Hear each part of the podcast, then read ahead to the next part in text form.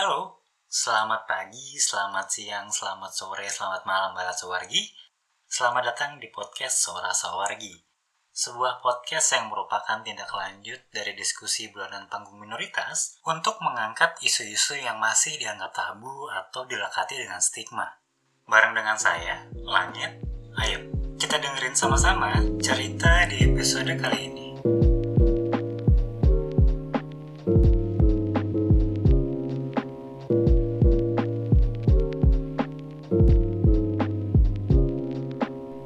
Halo Balat Sawargi, jumpa lagi ya barengan sama Langit, host dari podcast Sora Sawargi.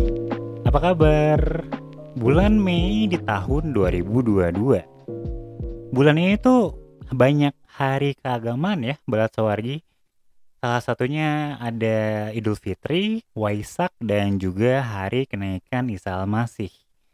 Dan rasanya untuk Langit dan juga tim podcast Sora Sawargi yang lain, masih belum telat untuk mengucapkan selamat untuk balat yang merayakan hari keagamaan tersebut. Di Indonesia, hal-hal terkait agama dan spiritualitas sering kali jadi aspek yang penting dalam kehidupan sehari-hari ya, balat sawargi. Tapi tuh sayangnya kalau kita mau ngomongin tentang agama ataupun tentang kepercayaan, sering kali itu tuh menjadi hal yang sensitif buat kita.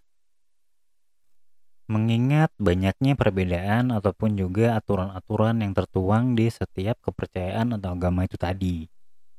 Tapi langit sih yakin tiap dari balat sawargi yang lagi dengerin sekarang itu bisa relate bahwa yang namanya kepercayaan ataupun agama adalah hal yang sangat personal. Personalnya itu mungkin ya tiap orang tuh punya pengalaman yang berbeda-beda ataupun perjalanannya masing-masing di setiap agama ataupun kepercayaannya. Mungkin beberapa dari belat warga sekarang ada yang masih berproses. Ada yang masih berjalan untuk mencari sebenarnya agamaku tuh apa, aku tuh pengen agamanya yang mana dan lain sebagainya. Tapi ada juga yang akhirnya memilih untuk melepaskannya. Selain itu juga ritual-ritual agama lekat banget dengan yang namanya keimanan. Dan sebagai sawargi, keimanan dan identitas sering kali dianggap berbeda ya, terpisah. Gak bisa berjalan beriringan dengan ajaran yang ada. Agama yang sering kali menjadi sumber kebaikan ataupun pembawa ketenangan, pada akhirnya malah jadi sumber teror buat teman-teman sawargi. Dan pada akhirnya ini berakibat hak untuk menjalankan ibadah ataupun berspiritualisme menjadi dilema untuk mereka. Padahal setiap sawarga juga berhak untuk memiliki hak yang sama dengan orang-orang lainnya. Bagaimanapun juga, kepercayaan, keimanan, agama, ini tuh sesuatu hal yang sulit untuk bisa lepas dari diri kita sebagai seorang manusia. Sekarang langit juga udah mengundang narasumber yang kalau menurut langit sih udah pakarnya banget kalau ngomongin yang namanya tentang teologi, agama ataupun juga tentang queerness. Ini dia Amar Alfikar. Halo, selamat pagi Mas Amar. Di Inggris sekarang masih jam 10 pagi ya Amar ya? Ya, jam 10 pagi. Halo, selamat pagi Mas Amar. Terima kasih banyak sudah mau jadi narasumbernya Suara Sawargi. Makasih banget ya Mas Amar. Aku manggilnya Mas Amar aja ya. Hmm. Iya, oke, panggil Mas Samar aja. Nah, jadi buat teman-teman sawargi yang mungkin belum kenal atau belum tahu siapa ini Mas Samar, kalau menurut Langit sih Mas Samar ini seorang pemikir, teologi dan juga ahli agama dan sekaligus juga untuk masalah queerness tuh kayaknya udah katam banget ya, Mas Samar ya. Masih terus belajar. Ya, ngomong-ngomong Mas Samar nih, Langit iya. penasaran di Inggris lagi ngapain sih Mas Samar? Oke, jadi aku di Inggris ini sebenarnya sedang studi ya um, untuk masterku S2 begitu. Hmm. Uh, di sini di Inggris itu master itu setahun gitu, beda dengan di Indonesia ya yang dua tahun. Dan aku uh, sedang mengambil uh, apa studi teologi dan agama dengan fokus di gender dan seksualitas gitu oh, ceritanya. Di Inggris ada mata kuliah atau jurusan yang khusus ke sana ya, Amar ya? Ada. Uh, oh. Jadi teologi dan religion itu uh, ini ya uh, secara umum ada gitu ya. Cuma kan di dalam uh, jurusan ini ada macam-macam gitu kan. Hmm, ada yang ada konsentrasinya gitu ya. Uh, ada konsentrasi masing-masing gitu dan memang aku ngambil yang untuk gender dan seksualitas gitu fokusnya. Ini, ini pas banget nih Mas Amar karena di episode Suara Sawargi kali ini kita bakal ngomongin yang gak jauh-jauh yang namanya agama, spiritual, spiritualisme dan juga tentang gender Mas Amar. Mm -hmm. Gitu. Nah sebenarnya aku langit pengen tahu nih kalau dari Mas Amar sendiri mm. sebenarnya bedanya antara agama dan spiritualitas itu apa sih, Mas Amar? Apakah hmm. itu adalah hal yang saling berjalan hmm. bareng gitu kan satu sama lain, hmm. ataukah kedua hal ini beda atau gimana sih sebenarnya, hmm. Mas Amar? Uh, sebetulnya uh, spiritualitas dan agama itu berkelindan ya. Jadi dua hal ini saling mempengaruhi, saling berhubungan, uh, meskipun dalam prakteknya bisa berbeda. Jadi nggak uh, selalu sama uh, maknanya berbeda tapi hmm. dalam prakteknya itu bisa saling berhubungan gitu. Jadi spiritualitas itu kan soal diri ya, soal diri, soal soul ya, soal jiwa hmm. atau dalam Islam itu dengan nafas gitu ya, soal diri, soal jiwa bagaimana kita uh, berhubung dengan diri sendiri. Jadi kalau orang ngomongin soal inner self gitu-gitu ya, hmm. um, itu itu adalah soal spiritualitas. Bagaimana kita mengenal diri, bagaimana kita berdamai gitu ya dengan semua kegelisahan karena hidup ini kan soal kegelisahan ya hidup hmm. ini soal pergumulan gitu jadi spiritualitas itu hadir untuk menemani dalam tanda kutip uh, manusia dalam menemani per, uh, dalam perjalanan kegelisahan pergumulan yang gak akan pernah selesai kira-kira gitu nah uh, sementara agama ini adalah dia sistem ya dia sistem nilai yang mengakomodasi spiritualitas itu gitu jadi agama itu dia pertama berhubungan dengan antara manusia dengan dirinya sendiri gitu ya hmm. Hmm. tapi juga sekaligus manusia dengan higher power atau uh, kekuatan yang di atas manusia kira-kira gitu ya di luar hmm. kapasitas manusia tapi juga dia berhubungan dengan manusia dengan manusia lainnya gitu jadi secara garis besar itu agama itu adalah sistem nilai yang kompleks rumit hmm. gitu ya tapi uh, hal besar yang yang mencoba di apa diakomodasi oleh agama ya itu tadi bagaimana kita berhubungan dengan diri kita sendiri bagaimana kita berhubungan dengan kekuasaan yang lebih besar atau Tuhan gitu ya mm-hmm. uh, apa pun sebutannya begitu dan juga bagaimana kita berhubungan dengan orang lain gitu jadi jadi sebetulnya paket komplit nah itu mm-hmm. itu secara garis besar gitu uh, spiritualitas mm-hmm. dan agama gitu Nah, buat teman-teman hmm. Belatawar gini ya, jadi kalau misalkan hmm. obrolan langit sama Amar di episode kali ini, karena Amar ini agamanya Islam kan ya, kalau Amar ini, jadi mungkin yeah. Jadi mungkin nanti konteks yang bakal kami bicarain berdua ini dalam konteks Islam. Tapi untuk Amar sendiri, okay. kalau pengen ngebicarain agama-agama lain atau tentang spiritualisme yang lain juga feel free ya hmm. untuk berbagi yeah. ceritanya okay. juga gitu. Karena langit Boleh. nih jujur ini penasaran banget karena Karena kan karena kan kalau ya di hidup di Indonesia ini sebagai seorang queer kan selalu hmm. dibentengi dan juga selalu tak nabrak terus sama yang namanya hmm. tembok hmm. agama gitu kan ya. Betul. Gitu. Hmm. Jadi banyak hmm. yang gelisah antara oh aku nih dalam tanda petik aku beragama atau aku menjalankan spiritualismeku cuman sayangnya tembok hmm. temboknya ini susah banget nih untuk dijebol gitu kan. Hmm. Hmm. Hmm. Nah, uh, sebenarnya kenapa sih bisa seperti itu, hmm. Mas Amar? Iya. Sebenarnya kalau kita ngomongin agama ya, uh, mungkin dalam ini dalam konteks Islam gitu ya. Ini kan -hmm. Kita bicara dulu secara universal ya, bahwa agama hmm. itu hadir itu pasti di tengah kondisi masyarakat yang timpang. Itu pertama kita kita perlu catat baik-baik ya. Misalnya Nabi Muhammad itu hadir di uh, uh, apa di tanah Arab yang waktu itu hmm. sangat hmm. tribal, tribal. Jadi suku-suku kesukuan gitu ya, kabilah-kabilah hmm. istilahnya. Itu sangat kental sekali bahwa orang merasa kabilah saya lebih tinggi daripada kabilah yang lain, gitu ya. Kemudian perbudakan itu sangat dinormalisasi pada waktu Nabi Muhammad itu hadir gitu ya. Uh, perempuan dianggap benda, perempuan itu tidak dianggap manusia pada hmm. masa hmm. Nabi Nabi hadir waktu itu itu uh, masyarakat Arab melihat perempuan ini benda gitu. Di, mereka di, dijual beli di pasar atau orang-orang kulit hitam ini dijual di pasar gitu. Jadi ya betul-betul kayak benda aja gitu. Hmm. Nah dalam konteks seperti itu gitu ya Nabi Muhammad hadir mengatakan uh, membawa uh, Islam dengan mengatakan uh, uh, la ilaha illallah gitu ya hmm. tidak ada Tuhan selain Allah jadi dalam konteks yang demikian uh, uh, Islam itu uh, hadir untuk mengatakan tidak boleh ada orang yang merasa lebih tinggi daripada manusia lainnya kecuali Tuhan gitu ya kira-kira ya nah hmm. jadi misinya sebetulnya adalah untuk mengatakan uh, uh, apa uh, agama yang penuh keadilan, agama yang tidak merendahkan orang lain. Itu hmm. pertama. Tapi kenapa kok hari ini jadi kebalikannya? Hmm, iya, ini iya, kan ini ya kan? Iya, ini kenapa kok hari ini justru kebalikannya gitu kan? Ini hmm. ini ini realitas yang harus kita kita pahami, bukan sekadar bahwa agama hadir mengoperasi. Karena yang terjadi hari ini misalnya ya, uh, yang kita lihat agama digunakan untuk memprovokasi orang lain gitu ya, menuding orang lain sesat, menuding orang lain ahli neraka dan sebagainya. Itu itu harus kita lihat dia justru kebalikannya dari misi agama itu sendiri pada awalnya gitu. Hmm. itu itu pertama. Kenapa sih kok bisa itu terjadi? Ya uh, konteks politik patriarki apalagi uh, orang kemudian melihat wah agama ini powerful banget ternyata ya.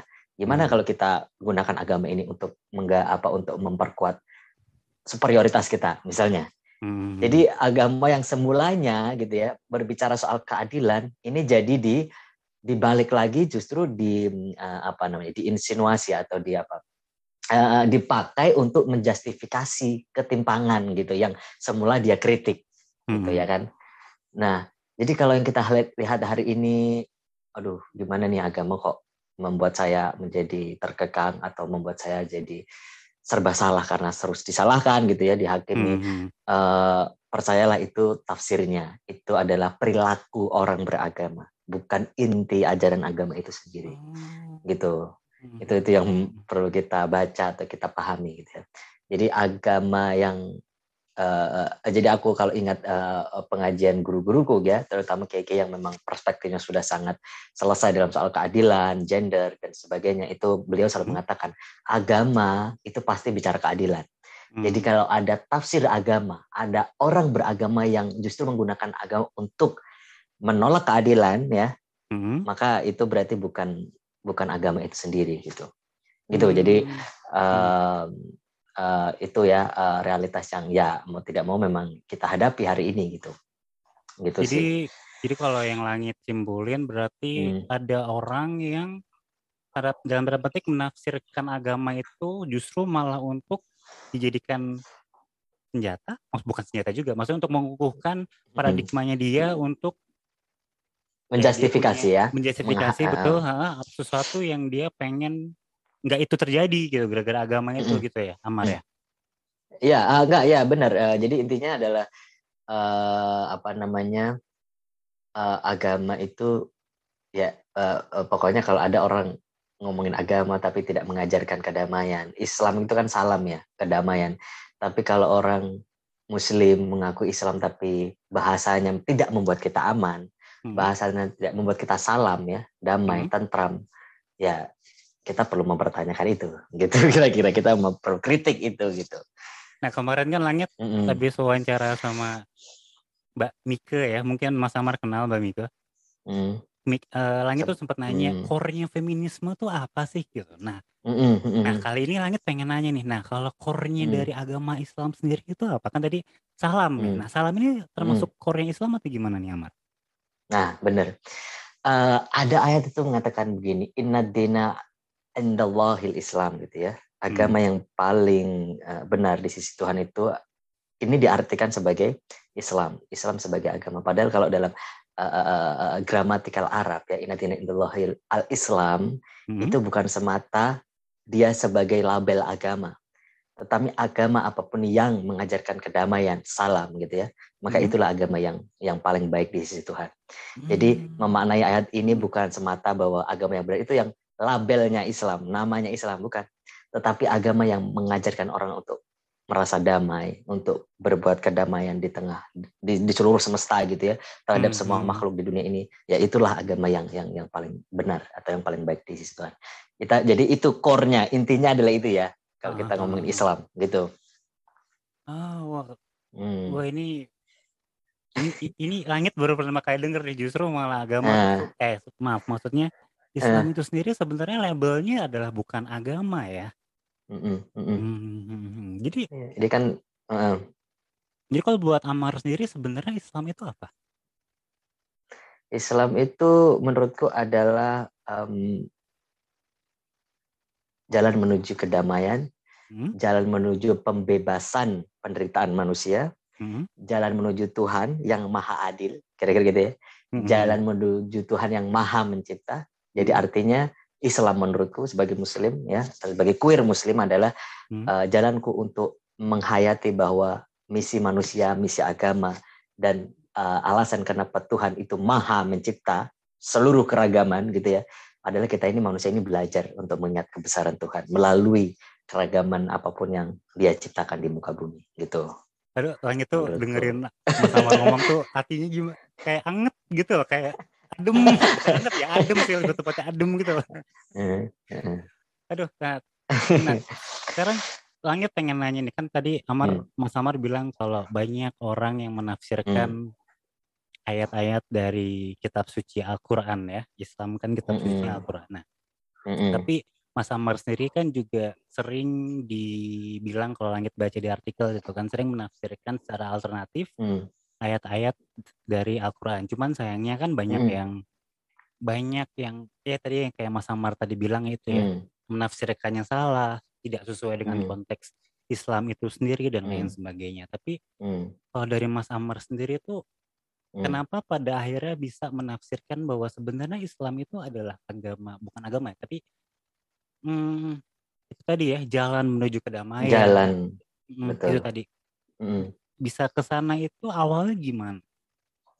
memang nggak bisa dilepaskan ya pengalaman seseorang dengan agama itu nggak murni hanya dari cara pandang dia atau hanya dari uh, tafsir yang dia baca tapi itu Mhm. pasti berhubungan dengan pengalaman hidup dia itu pasti Hmm. menurutku em, makanya cara orang beragama nggak mungkin seragam karena pengalaman orang nggak mungkin seragam gitu ya Wala- Walaupun walaupun Eh, sama-sama Islam gitu misalkan hmm. begitu. Mm-mm. Mm-mm, benar, meskipun Mhm. sama-sama muslim pasti jalannya berbeda. Jadi ini ini juga yang perlu kita uh, pahami ya bahwa nggak ada tafsir tunggal, nggak ada tafsir yang sama. Begitu juga cara orang beragama itu juga nggak mungkin sama semua gitu. Hmm. Eh, apa namanya? Ya, ya, gitu. Eh, dari pengalamanku misalnya ya, dulu aku orangnya sangat ini, sangat judgmental. Dulu cara aku beragama sangat kering bisa dikatakan gitu ya. Sangat mudah menghakimi orang lain. Dulu aku begitu. Eh, aku akui dulu aku sangat keras dalam tanda kutip. Merasa Hmm. bahwa cara beragamaku yang paling benar. Aku merasa bahwa ya cuma aku sendiri yang benar yang lain itu pasti eh, salah gitu. Gitu kan. Tapi kemudian ketika apa me- menyadari identitasku yang berbeda gitu ya Hmm. eh, kemudian bergumul atau berdialog dengan orang tuaku yang kemudian menerimaku gitu sebagai eh, apa transpria gitu. Hmm. Dari situ aku eh, karena begini dulu ya, dulu aku melihat ya dulu aku, dulu aku melihat yang aku baca yang aku dengar eh, agama ini hanya untuk mengata-ngatai orang kira-kira gitu ya. Agama cuma jadi alasan orang untuk mencaci maki orang gitu kan. Dan Hmm. dulu aku juga melakukan itu gitu kira-kira. Jadi eh, apa eh, eh, eh, karena mainstreamnya begitu kira-kira ya. Jadi eh, aku tidak mengalami dulu sebelumnya aku tidak tahu bahwa ada cara-cara yang beragam dalam cara beragama. Sampai Hmm. kemudian aku eh, melela gitu ya kepada ibuku pertama kali. Ketika kemudian aku eh, datang ke psikolog gitu ya, kemudian di di apa namanya di di didiagnosis gender dysphoria dan oh ah, kamu ini trans pria gitu atau transmen. Eh, dari situ kemudian aku cerita ke ibuku dan ternyata beliau menerima meskipun dengan atau eh, pasti ya dengan pergumul dengan per- apa dialog debat dulu ya, dan sebagainya panasnya itu biasa namanya keluarga gitu ya. Tapi pada akhirnya orang tua aku menerima gitu. Bahkan Hmm. bapakku ya bapakku ini dulu selalu ngaji di mana-mana ya di daerah-daerah beliau mengisi pengajian dan sebagainya beliau bawa aku dan banyak orang bertanya Pak Kiai anaknya kok begini dibiarkan? misalnya gitu ya. Bapakku mengatakan lah ini takdir anak saya. Ini takdir Allah yang diberikan untuk anak saya Oh. jadi kalau saya menolak takdir Allah untuk Hmm. anak saya, untuk keluarga saya, kalau saya mengusir dia dari keluarga saya karena dia begini gitu ya, maka jujur saya justru saya yang menolak takdir Allah untuk saya dan keluarga saya.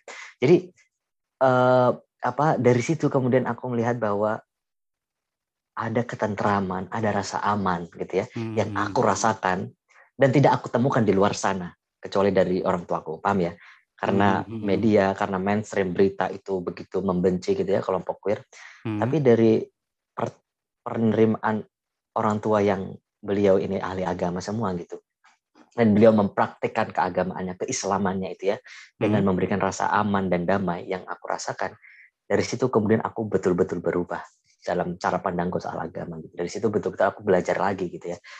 Oh ternyata ketika orang itu inklusif ya, ketika Hmm. orang itu menerima orang lain dan orang itu merasa aman di dekat kita, nah itulah Islam gitu. Dari situ kemudian aku Hmm. belajar, aku nggak boleh ha- hanya aku aja yang merasakan ini gitu. Aku harus eh, berkecimpung dalam dunia aktivisme atau apa pun hal-hal sederhana yang bisa aku lakukan untuk mengatakan bahwa eh, memberikan rasa aman, memberikan keselamatan itu adalah Islam itu sendiri, itu adalah agama gitu. Eh, dan itulah yang yang yang kemudian aku lakukan ya untuk eh, untuk selalu karena aku selalu ngomongin ini Hmm. dalam diskusi dalam tulisanku nah dan itu itu yang itu pengalaman eh, apa eh, pengalaman ketubuhanku sebagai queer dan bagaimana itu beririsan dengan caraku melihat mengha- dan menghayati agama gitu. Nah, orang-orang itu kan sering ya menganggap atau berpikiran bahwa Islam itu harus selalu berkiblat atau mengarah ke Arab Saudi eh, Arab Saudi kan Hmm. gitu. Sedangkan tadi kan tadi Iya. sendiri bilang ya bahwa yang namanya Hmm. agama, perjalanan agama, perjalanan spiritualisme itu adalah sangat personal gitu kan. Hmm, Tiap orang hmm, itu hmm, hmm. tidak bisa disamakan gitu kan. Tapi Betul, betul. tapi kebanyakan orang selalu menganggap bahwa ya kalau beragama Islam adalah kamu harus mm, Hmm. menjalankan cara sholat atau misalkan cara menjalankan Hmm. doa-doanya harus Hmm. Mengarah ke Arab Saudi itu sendiri gitu kan. Contoh paling Hmm, mudahnya hmm, mungkin hmm. dalam bahasanya ya. Ketika berdoa pun hmm. orang-orang muslim yang beragama Islam juga harus menggunakan bahasa Arab. Nah, kalau Hmm. menurut Amar sendiri tuh gimana? Apakah memang harus secara kolektif semua orang muslim Hmm. harus seperti itu ataukah memang itu adalah personal yang ya sudah kalau misalkan saya Hmm. pengen dengan cara Hmm. saya ya udah cara saya saja atau Hmm. tetap harus yang kayak gitu. Gimana tuh Amar?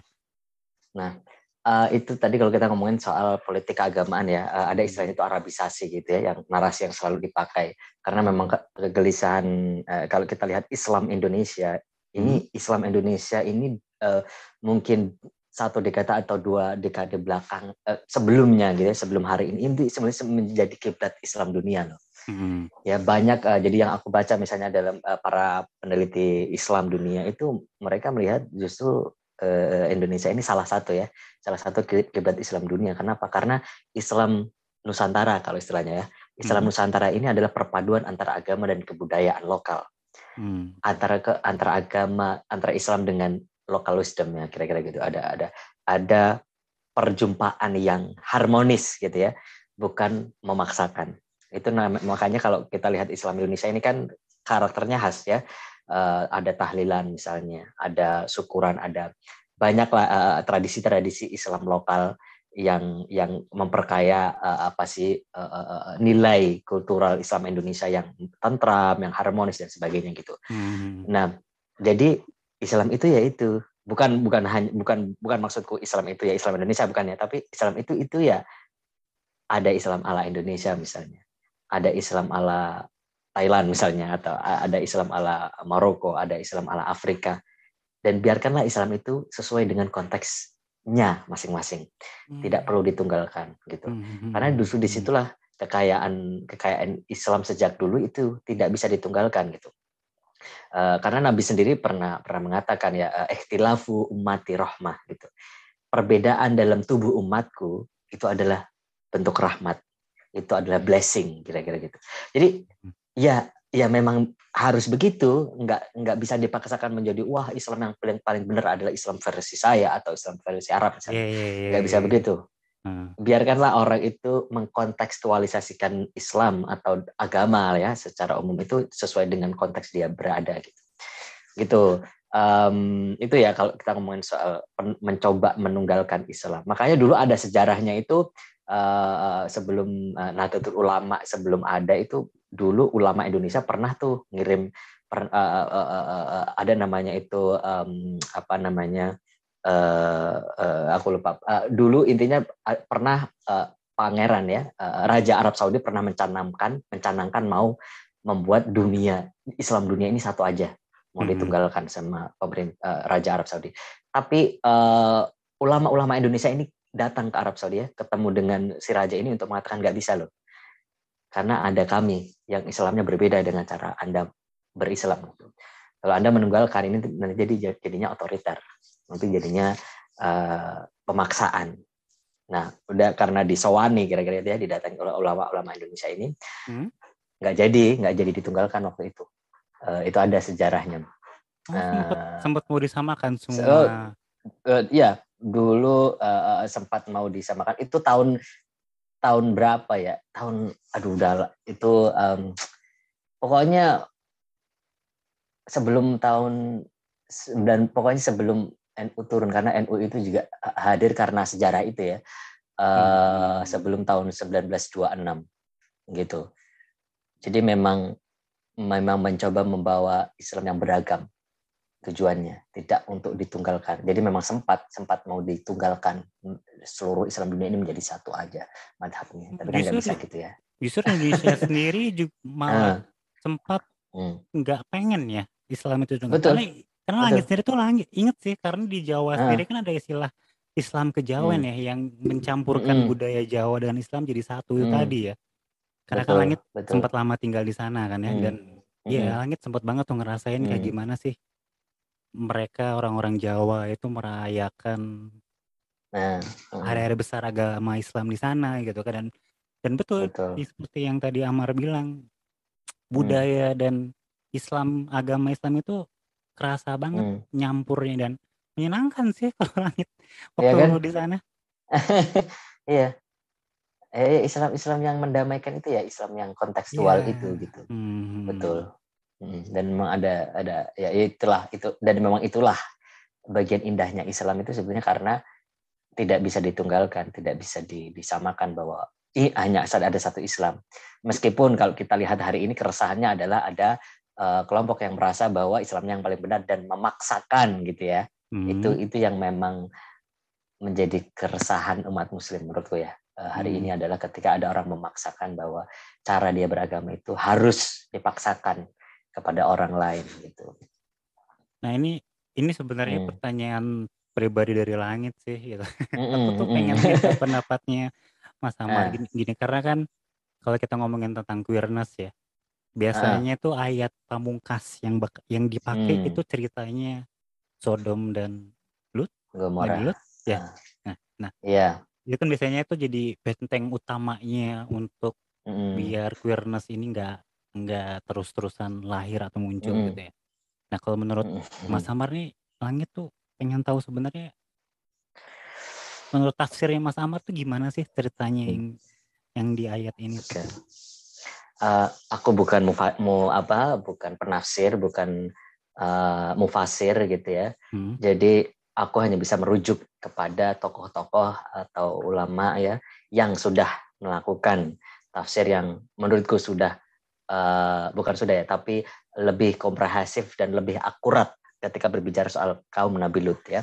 Hmm. Uh, bisa dibaca di buku ada ini aku bisa kutip ya. Uh, pertama buku fikih seksualitas. Hmm. Itu buku uh, 2000-an berapa ya. Pokoknya ya masih 2000-an ke atas lah. Itu buku fikih seksualitas ditulis oleh uh, ada Buya Husain Muhammad, ada Kiai uh, Marzuki Wahid, ada uh, Bunyai apa uh, Musdah Mulia, pokoknya tokoh-tokoh ini uh, feminis ya, tokoh-tokoh ulama-ulama yang pemikirannya uh, sangat komprehensif soal gender dan soal keadilan gitu ya dan soal kemanusiaan. Hmm. Jadi dalam buku buku ini membahas hal yang sama dengan bukunya uh, Ustadz Arif Nuh Safri. Beliau menulis uh, beliau ini ini ya dosen Institut Ilmu Al-Qur'an. Jadi bukan orang sembarangan ya. Beliau ini memang mengkaji Al-Qur'an, beliau menulis hmm. buku baru aja tahun 2021 ya tahun kemarin beliau menerbitkan buku judulnya Memahami Gender dan Seksualitas Tafsir uh, tafsir kontemporer Islam ya gitu. Jadi mm-hmm. beliau uh, ini ini dua dua ini aja ya yang yang berbahasa Indonesia. Sebenarnya kalau yang uh, berbahasa Inggris juga lebih banyak. Yang berbahasa Indonesia ini dua dua rujukan bisa dipakai gitu ya. Dua rujukan dalam dua rujukan ini beliau-beliau mengatakan bahwa uh, uh, kisah kaum Nabi Lut ya atau dalam narasi Kristen itu Sodom dan Gomora itu hmm. bukanlah soal orientasi seksual gitu. Tidak ada satu ayat pun yang mengatakan homoseksual karena homoseksualitas itu kan termnya itu kan term modern ya istilahnya yeah. modern. Masih Al baru. Al-Quran nggak ada. Uh, uh. Hmm. Jadi orang-orang uh, gay atau orang yang punya ketertarikan ya, dengan sesama gender ini disebutnya apa dulu ya kan? Jadi kalau ada orang mengatakan ini adalah pelaknaan homoseksualitas keliru nggak ada satupun ayat ya, uh, huruf yang menyebutkan homoseksual nggak ada karena lagi-lagi ini uh, istilah modern sementara ayat-ayat hmm. yang digunakan untuk menghakimi atau melaknat ya kalau uh, homoseksualitas ini bukan tentang uh, uh, apa melaknat kaum nabi itu bukan tentang homoseksual tapi soal hospitality atau uh, keramah tamahan atau ketidakramah tamahan terhadap warga asing yang datang ke kaum ke kampungnya kaum Nabi Lut. Nah, hmm. uh, jadi dalam ini aku mengutip ya, uh, lagi-lagi aku petan aku hanya umat yang men masih mencoba belajar, tapi dari dua buku ini, rujukan yang aku baca ini sudah khatamkan ini gitu. Um, intinya beliau beliau beliau ini mengatakan yang dilak, kaum yang dilakukan oleh kaum Nabi Lut itu adalah pertama mereka melakukan uh, penindasan terhadap warga asing yang datang ke kampung mereka. Jadi kalau hari ini misalnya bisa bisa kita katakan anti asing gitu ya, mm-hmm. rasisme atau xenofobia gitu. Mm-hmm. Jadi orang-orang ini nggak mau ada orang lain datang ke kampung mereka. Mereka sangat anti asing mm-hmm. dan cara mereka untuk menolak uh, warga asing yang datang ke kampung mereka adalah dengan pemerkosaan sodomi. Mm-hmm. Sekali lagi tanda kutipnya adalah penekannya adalah pemerkosaan. Tidak hanya laki-laki yang diperkosa oleh kaum Nabi Lut ini, perempuan juga. Jadi jangan keliru bahwa ya, kaum Nabi Lut ini uh, uh, apa melakukan sodomi terhadap laki-laki aja. Bahkan perempuan juga mereka perkosa gitu ya. Jadi yang dilaknat oleh Allah ya sebet, dalam kisah kaum Nabi Lut itu adalah pemerkosaan yang dilakukan terhadap warga asing yang datang ke kampung mereka. Ini mungkin sama kalau kita ingat dengan tragedi 98 di Indonesia, kira-kira gitu ya. Ini kan hmm. pemerkosaannya kan, hmm. yang sangat rasis begitu. Nah, dalam konteks demikianlah uh, kaum Nabi ini diazab. Yang dikutuk bukan orientasi seksual. Wong mereka yang memperkosa ini mereka punya istri kok, gitu ya. ya Meskipun kita juga nggak bisa bilang. Orang, uh, tapi yang terjadi betul. adalah kebencian orang-orang sana terhadap warga asing yang masuk ke tempat hmm, tinggal mereka, mereka itu ya. Uh -uh dan dalam konteks 98 yang kasus betul etnis mm -mm. etnis Tionghoa uh, itu ya. Ya betul hmm. tapi lebih parah lagi gitu kan hmm. karena laki-laki uh, perempuan mereka mereka habisi mereka, mereka habisi nah, cuma satu mm etnis aja begitu oh, betul baik, baik. jadi sebetulnya semangat uh, kutukan yang di uh, atau semangat semangat azab yang diturunkan Allah kepada kaum Nabi Lut itu sebenarnya adalah uh, kutukan terhadap pelaku pemerkosaan pelaku hmm. rasisme, pelaku pelecehan. Itu yang justru luput dari pembacaan banyak mainstream tafsir gitu ya. Hmm. Tidak hanya di dalam Islam. Ini kalau kita ngomongin kaum Nabi itu ini kan narasinya dari mulai Bible atau Injil hmm. uh, itu juga sama juga gitu ya narasinya selalu ngomongin soal Sodom dan Gomora itu homoseksual padahal bukan padahal bukan. Ya. soal uh, uh, justru nah, malah nah, itu sama sekali nggak ngomongin tentang orientasi seksual sama sekali mm, ya Mas Amar ya. Hmm. Hmm, ya betul. Menarik, menarik. Ya, ya. Mungkin nanti lanjut bakalan cari bukunya tadi. Nanti mungkin bisa. Nanti off nanti selain rekaman aku tanya Mas Amar ya tadi judul bukunya apa. Ada. Aku aku kasih link. Boleh boleh. Banyak ya, ya. buku. Mm -hmm. Bisa. Ini, Senang aku kalau gini. Banyak buku nih, nanti kamu bisa baca juga. Ya. Hmm, terakhir nih dari langit hmm. untuk Mas Amar ada nggak pesan atau kesannya Mas Amar kan buat teman-teman hmm. siapa pun itulah teman-teman yang queer ataupun tidak gitu kan untuk hmm. laki-laki, untuk perempuan, untuk dewasa atau yang masih muda hmm. yang masih hmm. melakukan pencarian jati dirinya terhadap agama ataupun spiritualisanya uh, spiritualismenya hmm. mereka hmm. dan juga seksualitasnya mereka gitu. Yang tadi seperti hmm. Langit bilang hmm. sering kali hmm. ada benteng tebal yang namanya kepercayaan atau agama itu tadi. Nah, hmm Um, aku cuma pengen bilang ya, ada ada dua dua ini ya, ada dua teks yang ingin aku sampaikan. Um, hmm. Mungkin ini bisa jadi pelajar bukan pelajaran tapi um, renungan ya untuk uh, teman-teman queer untuk terus mencari karena menurutku uh, hidup ya, jangankan yang queer orang yang yang non queer aja mereka juga bergumul dengan dirinya sendiri. Hmm. Maka kita juga bergumul dengan seksualitas kita, kita bergumul dengan ketubuhan kita gitu ya. Uh, tapi sebetulnya dari pergumulan itulah kita ini diuji gitu ya. Uh, kalau uh, diuji dalam arti apakah kita tetap bisa terus mencari dan menerima, mencintai diri kita sendiri gitu ya, memperjuangkan apa yang ingin kita perjuangkan dalam hidup gitu. Um, dari situlah sebenarnya kita men, men, apa, mencari dan uh, apa menggali makna dalam kehidupan ketika kita terus berjuang gitu. Kalau kita nggak bergumul, kita nggak akan mencari tahu. Kan gitu kira-kira ya. Kalau hmm. kita nggak dikasih kegelisahan, kita mungkin akan dalam tanda kutip mati dalam arti kita ya ngapain hidup gitu loh kalau tidak mencari arti gitu kan. Hmm. Jadi aku pribadi selalu mengimani ya bahwa queerness itu adalah cara Tuhan menguji imanku sendiri, menguji kemanusiaanku sendiri, uh, dan bagaimana itu memberikanku banyak renungan untuk hidup, memberikanku banyak makna, banyak catatan yang sangat berarti kira-kira gitu. Uh, ya ini ada satu teks ya uh, uh, bunyinya begini ada turuki ilallah kaadadin kaadadi anfasil khalaik banyaknya jalan menuju Tuhan itu sebanyak jumlah jiwa yang ada di semesta ini jadi cara kita menuju Tuhan itu nggak hmm. mungkin sama dengan cara orang lain menuju Tuhan sebagai queer misalnya ya, mm-hmm. Uh, jalan kita, jalan orang lain itu pasti berbeda. Jadi, tapi dari situlah kita sebetulnya setengah menuju kekuatan yang lebih besar daripada kita gitu. Uh, dan Sufi selalu percaya bahwa mana arafa nafsahu arafa rabbahu. Siapa yang mengenal dirinya itu dia mengenal Tuhannya. Jadi spiritualitas kita, keagamaan kita itu haruslah menjadi uh, apa jalan kita untuk menemukan diri kita sendiri berdamai dengan diri kita sendiri, berdamai dengan orang lain, gitu. Seperti biasa ya, kayak yang episode-episode kemarin, kali ini Langit sudah mengundang dua narasumber, seorang yang ingin bercerita bagaimana perjalanannya dia, prosesnya dia, hingga akhirnya hari ini dia sudah menemukan kepercayaan, agama, ataupun spiritualismenya yang akhirnya dia anut atau dia peluk. Sekarang sama-sama kita sambut Arif. Eh, Arif, apa kabar? Baik-baik, Kak Langit. Iya, aduh. Lama banget nggak ketemu sama kamu ya, Arif ya. Ke mana aja, Arif? Di rumah aja kuliah ngerjain tesis. Oh, jadi sekarang masih mana. masih sibuk dengan tesisnya ya, Arif ya? Iya, lagi nulis. Nah, ngomong-ngomong nih buat teman-teman balat Suwargi yang belum kenal Arif ini siapa, Langit persilahin deh buat Arif untuk memperkenalkan diri. Nah, halo, perkenalkan nama saya Arif. Saya kuliah di S2 di Antropologi di Universitas Indonesia. Oke. Nah, Arif, tema Suara Sawargi hari ini kan ngomongin tentang being a queer, tapi sekaligus juga tetap menjaga spiritualismenya ya, Arif ya.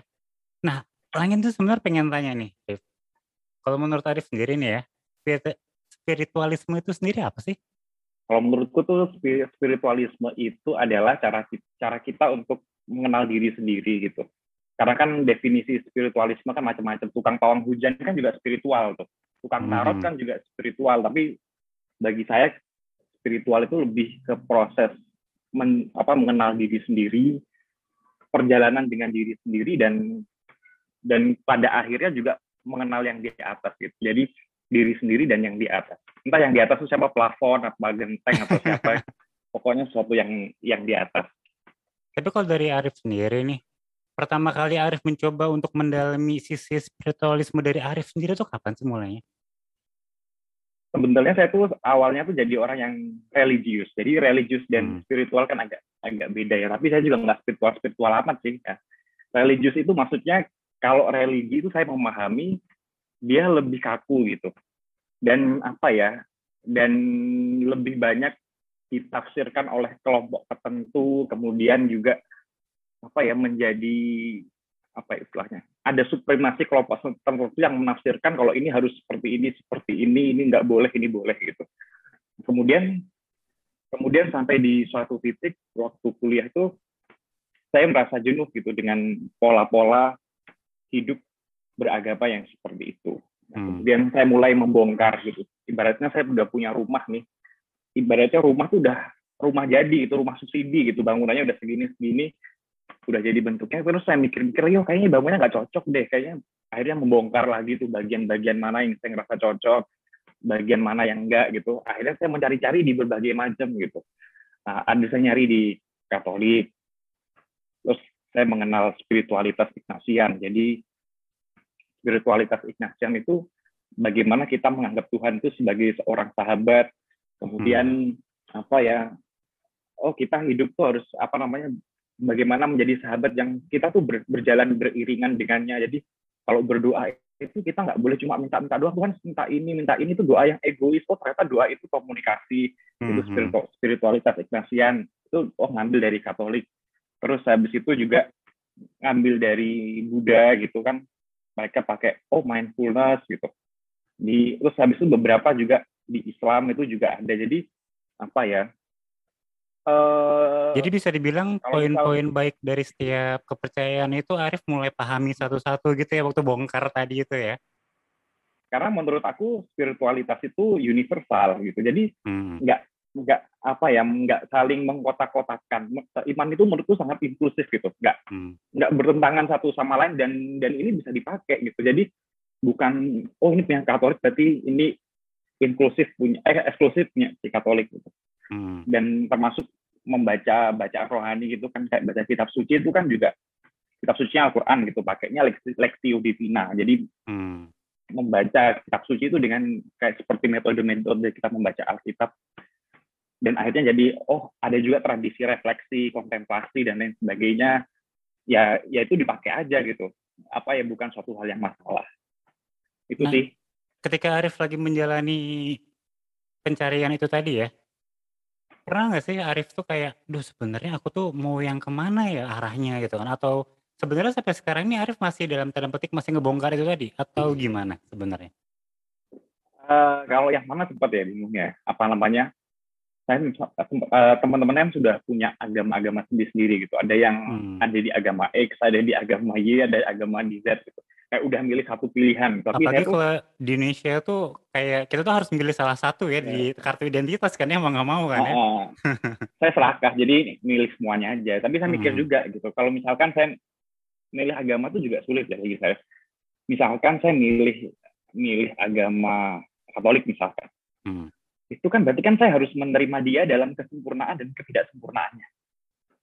Nggak bisa apa namanya oh pindah apa namanya saya nggak suka satu sisi kemudian mencintai kan harus kompleks gitu apa ya harus total gitu begitu juga kalau pindah Buddha gitu ada isu sedikit terus pindah ke agama lain gitu terus akhirnya ya apa namanya saya rasa spiritualitas kan cuma cara kita berkomunikasi ya dengan yang di atas hmm. dan semuanya apa namanya mengajarkan cara yang sama gitu. Dengan apa ya istilahnya ini berbagai kendaraan tapi tapi tujuannya sama. Jadi ya ya udah gitu saya nggak mau terikat di di satu tertentu. Jadi di satu waktu saya juga ikut retret meditasinya Buddha tapi di satu sisi saya juga ikut apa namanya kalau misalkan apa ya namanya pendalaman Alkitab gitu ya ikut-ikut mm-hmm. aja gitu. Karena kan itu kan sama dengan kita baca-baca buku motivasi gitu. Cuma yang nulis ini Yesus kan itu kan sama mm-hmm. dengan kita baca-baca buku bagi saya sih kayak baca buku motivasi aja baca kitab-kitab itu kan kayak baca buku motivasi saya juga ditanya nih sama orang tua saya uh, agamamu apa gitu ya ya saya Islam tapi kan Islam itu kan bukan suatu hal yang tunggal saya akhirnya memutuskan untuk ya udah deh Islam aja karena saya mikir um, menjadi Muslim itu bukan suatu hal yang tunggal gitu jadi hmm. apa ya hmm. ini pendapat saya pribadi ya, dari hmm. saya pribadi uh, saya masih bisa men, saya masih bisa menjadi pribadi yang unik gitu. Kalau saya mikir saya dengan contohnya saya milih Katolik ya saya juga senang gitu dengan spiritualitasnya dengan lagu-lagunya gitu. Dengan berbagai patung-patungnya saya mikir ini Islam kok nggak ada lagu nggak ada patung-patungnya ya? Saya pingin itu kan dengan apa namanya hiasan-hiasan bunga yang estetik gitu. Terus apa cara-cara beribadah yang ya senang juga. Tapi saya mikir gitu kalau saya masuk Katolik saya kan harus apa namanya ya dia terikat dengan satu institusi gereja yang sekarang itu semakin apa ya istilahnya uh, apa ya sentralisasi gitu ke arahnya ke Vatikan. Terus saya mikir kayaknya nggak nyaman deh saya nggak bisa menjadi diri saya gitu. Hmm. kalau misalkan jadi Islam kan saya, saya salah kan pertanggungjawaban saya bukan pada organisasi. Pertanggungjawaban saya bukan pada Muhammadiyah pada NU tapi kan langsung pada yang di atas. Pada yang di atas betul. Ya iya jadi jadi saya bisa menjadi menjadi bebas sebagai seorang pribadi yang unik. Keunikan saya berbagai macam ya, baik dari identitas, kemudian uh, apa namanya, ya udah dosa-dosa juga apa namanya, kalau misalkan orang lain yang dosa itu kan manusia gitu. Mm-hmm. Dan kan saya kan mengikuti ber, mencoba gitu, ber, berjalan beriringan apa yang apa ya dengan yang saya yakini dengan refleksi saya dalam perjalanan saya memandang suatu hal itu aja sih akhirnya akhir-akhir akhir-akhir ini gitu. Ya udah deh ya udah. Islam aja toh. Apa namanya? Saya tetap bisa menjadi pribadi yang unik. Unik itu tadi ya. tapi saya nggak menyalahkan juga. Teman-teman saya juga banyak kok. Mereka akhirnya pindah Katolik mereka akhirnya pindah. Ya itu kan refleksi pribadi masing-masing. Mm-hmm. nah sekarang aku pengen tahu nih ngomong-ngomong kan tadi Arif bilang ya bahwa ini adalah identitas aku yang unik gitu tadi ya. Nah, ngomongin soal identitas nih. Kalau buat teman-teman Balatawargi nih yang lagi dengerin juga gitu kan karena kan berhubung dengan tema kita hari ini queer dan juga agama lah ya, kepercayaan. Nah, kalau menurut Arif sendiri ini sebenarnya ada bisa di satu padakan nggak sih atau memang ini adalah hal yang harus jalan sendiri-sendiri atau gimana? Oh, kayak ini mungkin kayak ini ya apa namanya uh, kayak apa namanya air sama minyak kali ya. Hmm, hmm beda gitu. bisa disatuin gitu. Hmm, kadang-kadang saya juga diajak tuh ya di antara teman-teman queer maksudnya tuh. Ngapain sih gitu sholat? Ngapain sih berdoa? Bukannya udah berdosa ya gitu. Maksudnya sering juga dibully gitu ya dibully hmm. bercandaan atau apa gitu. Tapi apa namanya itu juga itu juga ternyata jadi perbincangan juga gitu di antara teman-teman saya yang lain gitu yang mereka tetap beragama. Eh bentar ya aku sholat. Eh kok sholat? gitu. Bentar ya aku ke gereja. Aku tuh jadi apa ya menganggap identitas ini sebagai suatu hal yang berdosa. Hmm. menyimpang dari karena saya kan udah hmm. bilang maksudnya kita berspiritual itu beda dengan agama. Kalau agama kan itu penuh dengan apa ya kontestasi tafsir gitu. Dimonopoli oleh satu lembaga tertentu. Sedangkan apa ya dan tafsir-tafsir yang nggak mainstream tuh biasanya di tepi semua ya Arif ya? Iya kalau misalkan spiritual tuh dia apa ya ya itu refleksi setiap orang berbeda. Jadi ya saya ini saya dengan refleksi saya gitu. Ber, maksudnya refleksi ini dengan terus berjalannya waktu bisa berubah bisa ini. Tapi sejauh bisa berkembang juga bisa entah bagaimana ceritanya. Tapi ya saya merefleksikan maksudnya saya begini tuh bukan begini dengan begini apa adanya tapi juga sangat conflicted gitu prosesnya. Hmm. Uh, apa namanya sampai akhirnya saya merenungkan apa namanya kadang-kadang tuh juga mendengarkan diri itu juga agak riuh gitu. Sebenarnya saya tuh mendengarkan ego saya gitu. Apakah saya mendengarkan yang benar-benar yang di atas gitu kan? Sampai akhirnya saya tuh kayak melakukan percakapan ya, ya kamu dirimu jadi dan setiap orang tuh diundang untuk apa ya namanya bersatu dengannya itu kalau bahasa Katoliknya gitu ya. Hmm. Semua orang tuh diundang untuk menerima kasihnya dan apa namanya dan semua orang bisa kasihnya itu tanpa batas dia tidak pernah memilih-milih gitu oh saya cuma mengasihi mereka yang hetero oh saya cuma mengasihi itu kan nggak ada batasnya gitu kan hmm. kasih dan apa namanya kasihnya itu kan nggak pilih-pilih namanya Siapa kita baca aja, gitu kan Bismillahirrahmanirrahim nggak ada Bismi strike gitu. Ya Bismillah nggak ada kan Bismillahirrahmanirrahim strike nggak ada kan. Ya kan? Rahman itu kan Rahman dan Rahim itu kan sesuatu yang tidak tidak ada batasnya. Hmm. jadi apa namanya dan saya bisa menjadi versi terbaik menurut saya tentunya. Hmm. dan ya udah gitu. Apa namanya saya juga menurut saya saya kalau misalkan hidup tanpa apa kayak bukan spiritual itu komunikasi dengan sesuatu yang di atas sesuatu yang apa ya lebih besar dari saya gitu. Saya nggak tahu hidup saya itu seperti apa. Maksudnya agak lebay sih tapi saya merasa dia itu sungguh hadir dalam perjalanan hidup saya gitu. Hmm. kalau misalkan di Katolik kan sebelum tidur kan kita ada eksamen ya. Eksamen hmm. itu apa pemeriksaan batin. Jadi melihat apa sih penyelenggaraan ilahi, penyelenggaraan Allah dalam hidupku sehari hari ini. Oh Tuhan itu ternyata bisa hadir loh melalui perjumpaanku dengan seseorang. Tuhan hadir dalam apa yang aku makan. Tuhan hadir. Oh dan sampai saya mikir oh ternyata sungguh besar ya kasihnya gitu. Apa namanya di tengah kedosaan saya tapi kok dia itu masih berkenan mengasihi saya hingga detik ini. Jadi apa ya? Kalau misalkan nggak usah pakai bahasa agama itu kan ada namanya stoikisme kan. Jadi kayak ada yang akhirnya kita lebih berserah. Oh ini ternyata di luar kendali. Akhirnya oh ini di dalam kendali kita. Ada kita nggak ngasih makan ego kita terus menerus dan dalam kejatuhan tuh oh Tuhan tuh masih berkenan apa ya istilahnya kalau bahasa Mazmur Injilnya itu hmm? apa namanya Tuhan itu kan gembalaku tak akan melupakan aku dia apa ya namanya Tuhan itu gembala yang sangat baik dan dia menaruh kita di padang rumput yang sangat hijau dan kalau misalkan kita jatuh dalam bahaya dia pun mengambil kita gitu. Oh ternyata ya itu. Jadi kalau misalkan ada masalah-masalah ya ya Tuhan itu juga membantu. Kemudian kalau ada masalah dia menguatkan kita untuk menghadapi masalah. Mm-hmm. Itu jadi itu sejauh ini saya merasakan begitu. Dan saya ngerasa oh saya kalau misalkan apa agama agak agak pernah nyoba sih gitu agak gimana ya ya kayak agak linglung kalau saya tapi bagi saya selalu bilang kalau kamu bisa hidup tanpa agama tuh bagus hebat gitu. Uh. kan saya selalu selalu saya, saya selalu mengapresiasi mereka yang apa ya entah mereka apa ya istilahnya kan orang tuh mentuhankan macam-macam ada mentuhankan pengetahuan mentuhankan apa hmm. maksudnya yang tanpa sama sekali gitu nah itu menurut saya tuh oh, itu hebat sekali gitu justru saya mengapresiasi bukan berarti kamu salah justru bagus saya juga nggak bisa gitu kayak gitu dari sekian lama nih Arif melakukan perjalanan spiritualisme ini sendiri, ada nggak sih pengalaman yang paling berkesan yang pernah Arif alamin dan sampai sekarang tuh inget dan pengen diceritain ke langit sama teman-teman berat sawargi? Hmm. Waktu hmm. waktu waktu saya putus sama mantan saya, itu kebetulan saya dengerin lagu gitu kan, uh, dengerin lagu terus saya merasa di lagu saya ambil dengerin lagu Reda jadi menemukan Tuhan kan nggak bisa melalui lagu ya menemukan Tuhan itu bukan selalu harus apa ya sesuatu yang saya beristiqat di masjid gitu. Mm-hmm.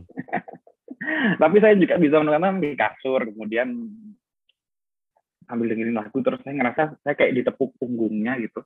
Terus saya kayak kayak bilang oh kamu sudah kamu sudah berkembang maksudnya kamu sudah bertumbuh kan niatnya menjadi hubungan tuh kamu kan bertumbuh dan jadi kamu sudah bertumbuh dan ya udah sampai sini gitu apa namanya kayak seolah-olah ada suara gitu nggak tahu suara apa ya saya juga nggak ngerti itu suara saya tapi saya kadang-kadang kadang-kadang tuh kan kan saya cat kalau metode berdoa saya kan saya catat di buku harian gitu. mm-hmm. jadi apa namanya kadang-kadang nulis bebas gitu jadi membangun percakapan-percakapan gitu dan saya ngerasa itu kamu sudah bertumbuh jadi kayak ngerasa ditepuk punggung saya dan seolah-olah mengatakan bahwa kamu bertumbuh. Dan kalau misalkan saya kadang-kadang melakukan suatu hal yang dalam tanda kutip, kenapa saya selalu bilang kan berdosa itu tanda kutip ya? Karena menurut saya, dalam refleks saya dosa setiap orang itu kan berbeda-beda. Beda-beda. Nggak, hmm. nggak bisa disamakan gitu.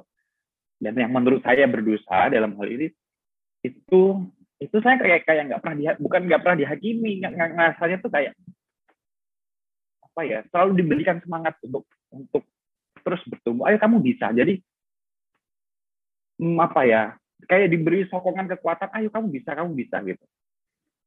Dan itu sih rasanya saya pernah juga kadang-kadang di kayak diejek gitu sama Tuhan gitu. Lagi duduk di gereja gitu meditasi. Karena saya senang meditasinya di gereja ya iktikafnya. Hmm. suasananya kan juga gereja Katolik ya sangat apa ya sangat enak untuk kita meditasi. Duduk itu langsung gini langsung dengar suara gini. Kamu tuh nggak pernah bersyukur gitu. Tapi kamu selalu berbahagia di atas pendidik apa penderitaan orang lain. Oh, alhamdulillah masih punya rumah. Gitu. Alhamdulillah saya sekarang ini kan itu nggak pernah itu kan sebenarnya kita berbahagia oh menderita orang menderita itu ya disyukurin gitu ya. Mm-hmm. Yang itu bukan bersyukur gitu menurut menurut yang saya dengar gitu. Terus habis itu iya ya gitu. Sering bersyukur kayak gini, jadi cekek duduk itu kamu nggak pernah bersyukur, tapi kamu selalu berbahagia di atas penderitaan orang lain. Aduh, menarik banget, Rifna. Jadi sebenarnya hal-hal kecil pun juga sebenarnya itu adalah salah satu apa ya, salah satu tepukan dari Tuhan atau salah satu sabda dari Tuhan yang sebenarnya itu ada di mana-mana, tapi sering kali kita nggak sadar ya, Arif ya. Kayak gitu. Aku tuh jadi ingat. itu kan. Hmm? itu maaf motong itu kan inti spiritualitas Ignatius Santo Ignatius dari Loyola. Hmm. Namanya kan finding finding God in all of things bahwa Allah itu hadir dalam segala sesuatu dan dalam segala sesuatu itu ya ada Allah sebenarnya. Bahkan dalam satu hal yang kita anggap berdosa gitu. Atau yang ini deh dosa secara umum kan orang bersetubuh gitu kan itu kan dosa. Hmm. Hmm. tapi kita bisa loh misalkan berdoa dengan seksualitas kita. Oh Tuhan aku tadi habis ini ini sama itu itu. Enak banget. Saya suka bagian tubuhnya rasanya tuh. Iya kadang-kadang saya berdoa seperti anak kecil. Tubuhnya bagian yang ini ini ini rasanya ini ini tapi kenapa ya Tuhan? Jadi kayak saya berdoa kayak anak-anak gitu kadang nyerocos yeah. aja. Aku tuh aku tuh jadi inget juga Arif. Jadi dulu tuh langit tuh pernah kan mau ke klub tapi sebelum ke klub tuh berdoa dulu. Biar nggak kenapa-napa di klubnya gitu. aku, anda salib dulu. Aduh tapi ya iya nah Arif uh, terakhir nih dari langit ya kalau pengen uh, langit juga pengen tanya ke Arif. Buat teman-teman nih yang sampai sekarang mungkin masih bongkar-bongkar rumahnya dia untuk mencari di mana sih letak spiritualitasnya aku gitu kan. Ada nggak saran atau kata-kata dari Arif buat teman-teman balatawar gitu? Kenapa ya? Spiritualitas itu bukan produk akhir gitu ya menurut saya. Hmm. Jadi dia itu adalah sebuah proses. Jadi sebuah proses ya, ya maksudnya jangan takut aja. Saya ya saya sebenarnya agak ini ya spiritualitas oh harus seperti Dalai Lama gitu. Tiba-tiba ada atau enggak jadi kayak satu santa ada cahaya ada. matahari di sini hmm. omongannya selalu berbelas kasih namaste gitu. Menurut saya nggak nggak harus seperti itu gitu. Dan apa ya yaitu menikmati proses dan nggak nggak apa ya menikmati jatuh bangunnya. Karena spiritual itu kan sebenarnya terbangun kan. Orang terbangun itu sebenarnya sulit karena kita saya juga ya bukan saya apalagi saya. Ketika dapat refleksi ini udah kontemplasi oh udah nemu ini. Untuk proses terbangun kan spiritualis kan artinya terbangun. Mm-hmm. karena kebanyakan dari kita itu tertidur dan tertidur itu kan selalu menyenangkan. Proses terbangun itu sebenarnya sangat sulit. Mm-hmm. saya juga jatuh bangun udah dapat refleksi terus habis wah kok gagal ya? Gitu. Kok masih apa saya masih belum berhasil ya menjalankan refleksi itu jadi kayak ya ya bangun lagi gitu. Jadi kayak itu itu proses jatuh bangun dan dinikmati dinikmati yang tidak nikmat nikmat amat. Jadi ya tetap aja berproses dan tetap jalanin gitu ya Arif ya. Mau berapa lama yang penting jangan terpaku sama hasilnya sudah terbangun apa belum tapi tetap terus jalanin itu Arif. Bener kayak tesis gitu ya. Hmm. saya itu kan ini aja refleksi deh ngerjain tesis gitu. Terpakunya pada hasil gitu. oh selesai. Target ini. Karena saya tidak bisa menikmati. Menikmati prosesnya itu ya. Menikmati harus berjuang dengan rasa malas. Terus hmm. habis itu udah target yang sekian oh ternyata nggak terpenuhi gitu kan. Itu ya udah gitu. Itu itu juga jadi kayak bukan ada saya mikir lagi gitu. Ya kan bukan hasil akhir gitu. Tapi ini proses gitu. Dan saya percaya gitu apa yang saya yakini Tuhan nah dan agak agak Tuhanan lagi gitu saya dimarahin kadang-kadang sih bawa, bawa bawa nama Tuhan gitu uh, Tuhan Tuhan itu ya yang yang yang menghargai menghargai proses kan dia kan maha tahu gitu dan hmm. maha bijaksana Oke Arif, terima kasih banyak Tuhan atas ya. waktunya hari ini ya Arif ya. Ya terima kasih juga Kak Langit. Oke Arif, uh, sampai jumpa ya, lagi ya. Balat Sawargi, terima kasih banyak sudah mendengarkan episode podcast Sora Sawargi kali ini barengan sama Arif dan juga Amar Alfikar ya tadi sebagai narasumber podcast Sora Sawargi kali ini. Banyak banget insight yang Langit dapetin ya setelah Langit tadi ngobrol-ngobrol barengan sama Arif dan juga bareng sama Amar. Dan Langit harap sih buat Balat Sawargi yang lagi dengerin juga banyak insight yang didapetin ya. Dan yang paling penting seperti apa yang Amar bilang, tetaplah berproses, tetaplah melakukan perjalananmu dan dan dan yang paling penting adalah kamu harus bangga dengan diri kamu sendiri siapa pun kamu karena kamu masih punya semangat untuk mau berproses. Podcast Sora Sawargi undur diri dulu, tapi jangan lupa buat kamu yang pengen dengerin episode-episode sebelumnya dari podcast Sora Sawargi bisa kamu dengerin di Spotify, Google Podcast, Anchor maupun platform podcast lainnya. Sampai jumpa di episode berikutnya ya, Balat Sawargi.